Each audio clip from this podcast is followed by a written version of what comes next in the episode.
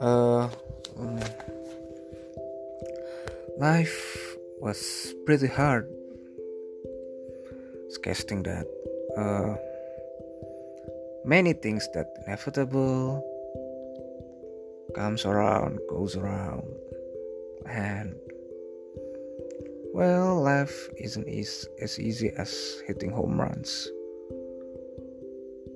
or yeah, hitting home run ain't easy. Well, uh, hitting lasers from outfield.